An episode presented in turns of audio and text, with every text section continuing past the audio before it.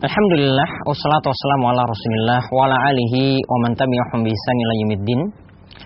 Para pemirsa sekalian, kita kembali akan melihat uh, pembahasan kita dalam kitab Matan al-Ghaya wa Takrib atau Matan Abi Syuja.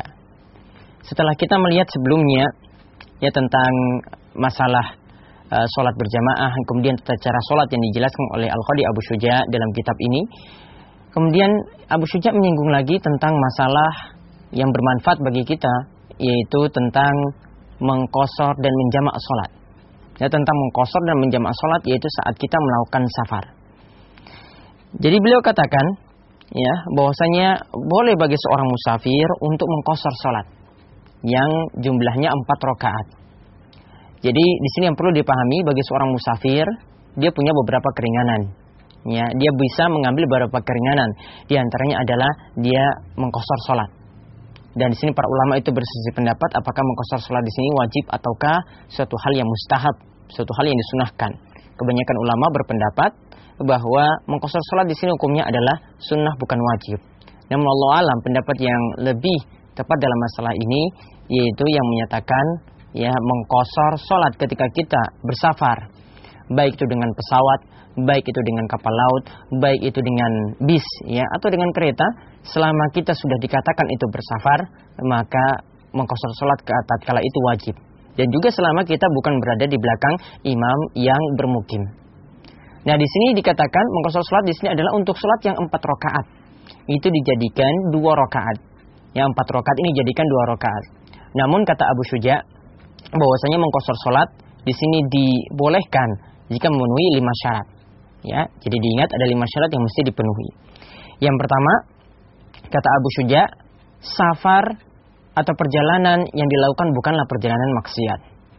Misalnya, ya kalau perjalanannya itu maksiat, dia mendistribusikan suatu barang-barang yang terlarang ke daerah lain, keluar kota atau keluar pulau, membawa minuman keras misalnya, membawa miras, maka ketika itu menurut Abu Syuja di sini menurut ulama Syafi'iyah dia tidak boleh mengkosor sholat. Jadi selama ya safarnya itu bukan safar maksiat dibolehkan untuk mengkosor sholat tatkala itu empat rakaat dijadikan dua rakaat.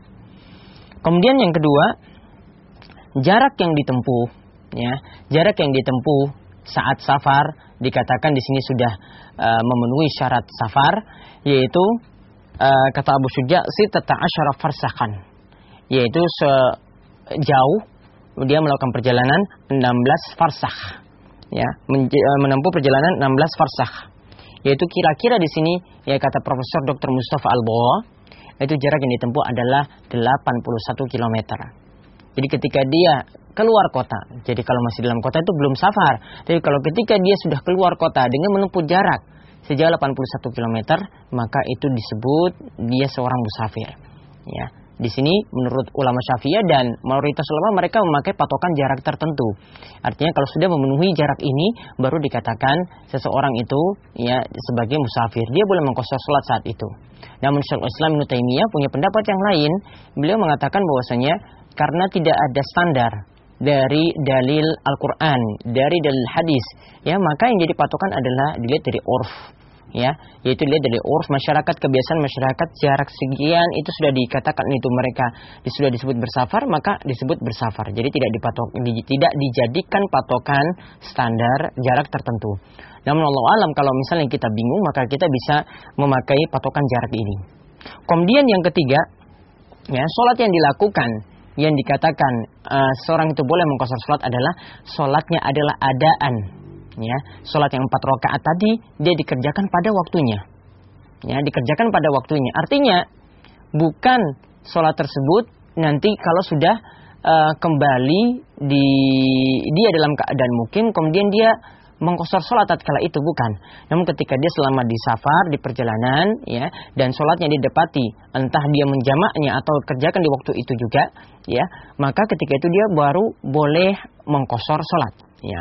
Kalau misalnya ketika dia saat safar itu belum mengerjakan sholat, kemudian tatkala dia tiba di tempatnya kediamannya sudah bermukim lagi, ya maka tatkala itu dia tidak mengkosor sholat lagi, ya bahkan dia ketika itu adalah tetap mengerjakan sholat dengan sempurna empat rakaat, ya dikerjakan empat rakaat. Kemudian yang keempat, ya sholat yang dikosor ini dibolehkan, Ya, syarat yang keempat adalah sholat tersebut sudah diniatkan untuk dikosor tatkala takbiratul ihram. Ya, sudah diniatkan untuk dikosor tatkala takbiratul ihram. Artinya ketika sudah mulai tapi dia tidak niatkan mengkosor sholat zuhur misalnya dia langsung kerjakan dua rakaat. Di tengah-tengah baru dia niatkan kosor maka ini tidak dibolehkan. Syaratnya sejak takbiratul ihram ya ketika berniat itu sudah niatkan sholat tersebut itu dikosor. Ya kemudian yang terakhir yang kelima ya wa alla ya bimukim kemudian dengan syarat dia boleh mengkosor sholat adalah selama tidak jadi makmum bagi imam yang mukim. Dia tidak jadi makmum tatkala itu.